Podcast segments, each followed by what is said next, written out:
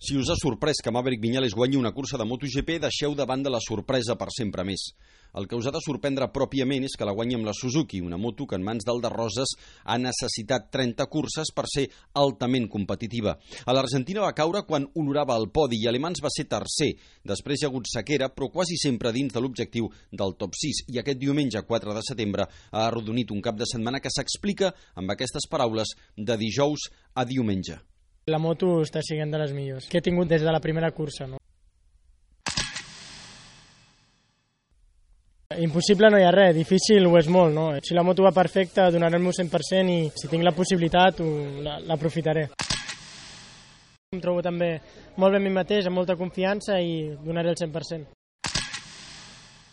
I realment agrair això no, a l'equip perquè m'ha donat una moto perfecta per, per fer el que he pogut fer avui.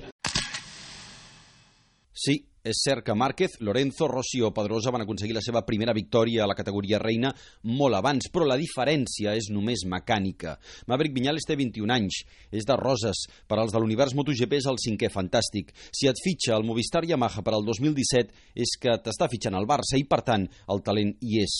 Va arribar al Mundial el 2011, amb 15 anys. Amb la 125 va aconseguir 4 victòries en una temporada. Amb la Moto3, 8 victòries en dues i un títol el 2013. El 2014 puja a Moto2 i ens enlluerna amb 4 victòries i el subcampionat. I decideix que salta un curs i que se'n va a MotoGP perquè Suzuki ve a buscar-lo. És decidit, té clar el que vol i ha madurat.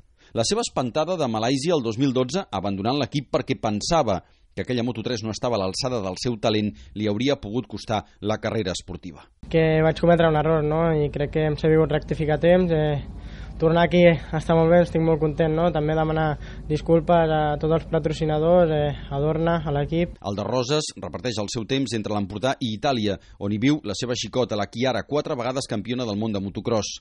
Maverick Viñales, el seu nom ja és entre els millors del país, com Puig, Checa, Elias, Gibernau, Pedrosa, Cribiller o Márquez, un talent pur amb molt de futur.